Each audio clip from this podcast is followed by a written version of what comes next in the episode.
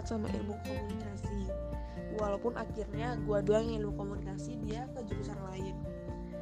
Teman gue ini tertarik banget sama ilmu komunikasi dan suka cerita sama gue tentang prospek kerja atau kampus-kampus yang ada komunikasinya. Dan karena keseringan sama teman gue ini akhirnya gue tertarik sendiri sama ilmu komunikasi itu. Bukan karena teman berarti ya karena gue yang punya ketertarikan sendiri eh, tapi emang jalannya dari teman dulu tapi akhirnya gue komit untuk ke jalur itu. Nah dari situ keluarlah jiwa-jiwa jurnalistik gue karena gue suka mencari informasi di dalam dan luar kampus.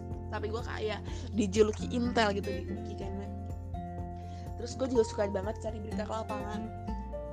Dan kalau sekali gue nulis ya Mac tulisan gue tuh pasti langsung panjang Mac. Langsung aja gitu dan gak sadar ternyata tulisan gue tuh udah panjang aja yaitu gue bilang lagi kalau itu udah passion. Kita nggak sadar kalau itu passion kita. Akhirnya apa kita kerjakan? Udah melebihi batas yang seharusnya ada. Terus kalau dukanya itu ternyata tuh di komunikasi tuh nggak kayak orang bayangin baik uh, di jurusan gue tuh teorinya tuh banyak banget. Dan hampir semua teori itu susah kita tuh harus pakai teori itu dan kita harus menghafal teori kita itu dalam perkuliahan kita dan dalam penelitian kita tuh juga harus. Banyak orang yang meremehkan komunikasi karena teorinya teorinya nggak ada dan cuma praktik cuma gitu, -gitu doang. Enggak pas kita udah jalanin susahnya minta ampun.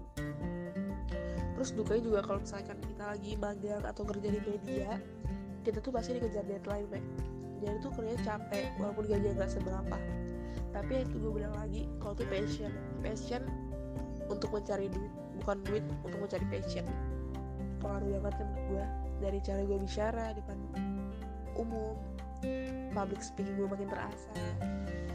Terus gue tau lah akhirnya ketika gue udah berkuliah etika berkomunikasi yang baik kalau bicara gue tuh seperti apa.